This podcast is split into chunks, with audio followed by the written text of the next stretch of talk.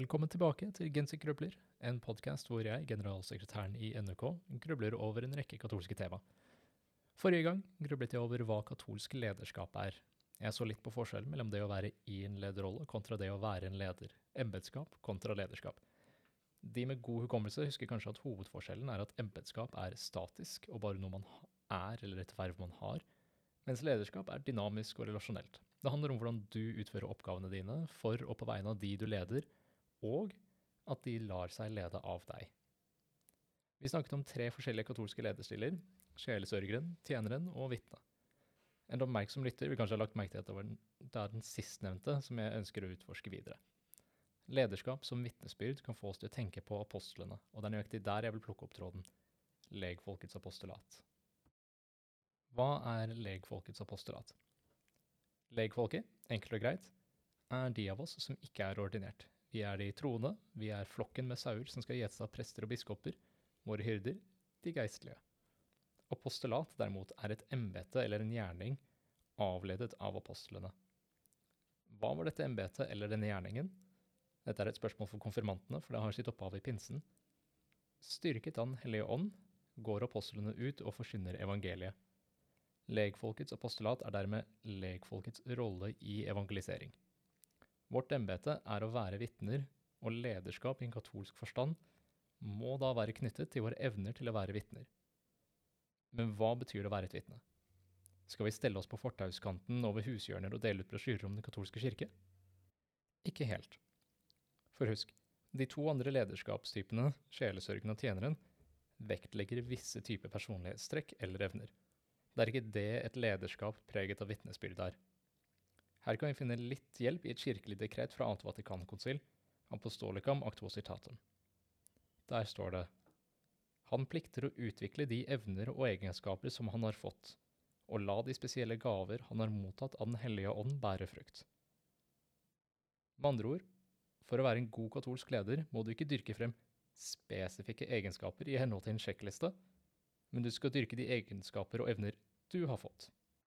Det er helt fantastisk å se at dette finner gjenklang i leirhåndboken til NUK. Der står det det handler om at du må være troverdig som leder og katolsk forbilde, med dine feil og svakheter. Du bør ha et avklart forhold til din tro og til deg selv som katolsk leder, hvor du vet at du kontinuerlig må jobbe med disse tingene. Det er en del av din egen utvikling som leder og som troende menneske. Note to self, vi må endre leirhåndboken til å si med dine styrker og svakheter. Legfolkets apostolat, kallet til å være vitne, er da også et kall til lederskap. Som nevnt tidligere er lederskap relasjonelt. Det er avhengig av et forhold mellom personen som leder og den som blir ledet. Den som blir ledet, er langt fra passiv.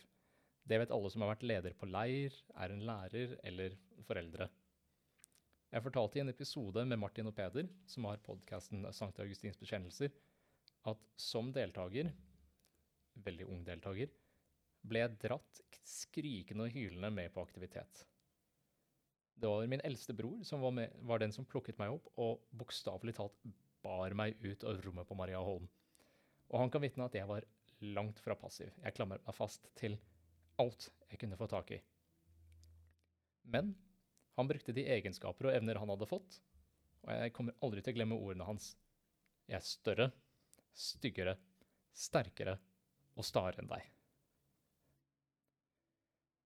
Så hvordan går man fra ren motvillighet som ung deltaker til å vie utallige timer til katolsk barne- og ungdomsarbeid? Et litt klisjé svar, som mange kanskje kjenner seg igjen i, er at jeg hadde gode ledere. Unge mennesker som ga sin tid og sine krefter til å dele den tro de hadde fått og modnet i. De var sterke vitnesbyrd. På godt norsk kan man kanskje si at de var gode forbilder. Hvis vi ser på det kirkelige dekretet jeg nevnte tidligere, så sier den de unge bør selv bli ungdommens første og nærmeste apostler, utøve apostolatet seg imellom og gjennom hverandre innenfor det sosiale miljøet de lever i.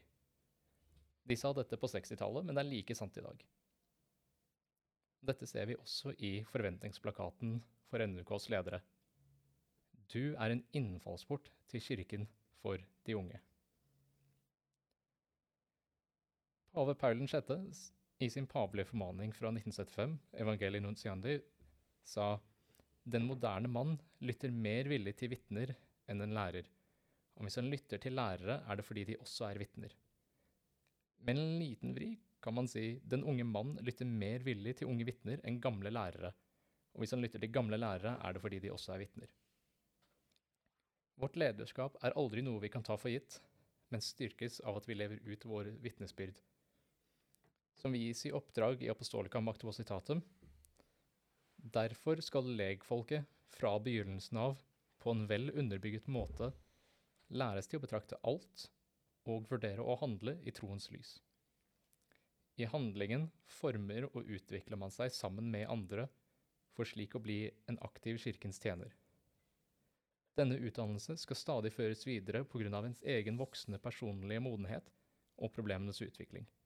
Den krever derfor stadig større kunnskaper og bedre tilpasset praksis.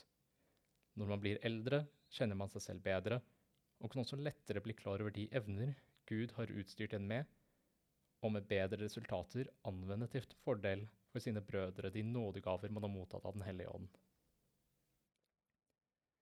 Hva betyr alt dette? Hvordan er dette knyttet til lederskap? Til katolsk lederskap? Først og fremst, det styrker forståelsen vår av lederskap som relasjonelt, situasjonsavhengig, og som et kall. I den riktige situasjonen, til rett tid, med de rette personene til stede, kan en utvise lederskap gjennom sine styrker og evner. I tillegg så oppfordrer dette oss til å begynne tidlig med å utvikle folks forståelse av sine styrker og svakheter, og evne til å lede. Vi kan ikke vente til de er gamle og grå eller ferdig utvokst, eller vente til man blir kastet uti det. Jo tidligere vi setter i gang med å utvikle lederegenskaper, jo bedre. Som man sier på engelsk, sink or swim. Og det er vårt ansvar i NUK, og som medkristne, å utstyre vår ungdom med det de trenger for å svømme. Siden lederskap er avhengig av modning og utvikling, kan vi ved å starte prosessen tidlig forme dem slik at de står klare når situasjonen krever det. Derfor gleder jeg meg til neste gang, hvor jeg skal gruble videre sammen med Katarina Wu, som er lederen for NUKs ledertreningsutvalg.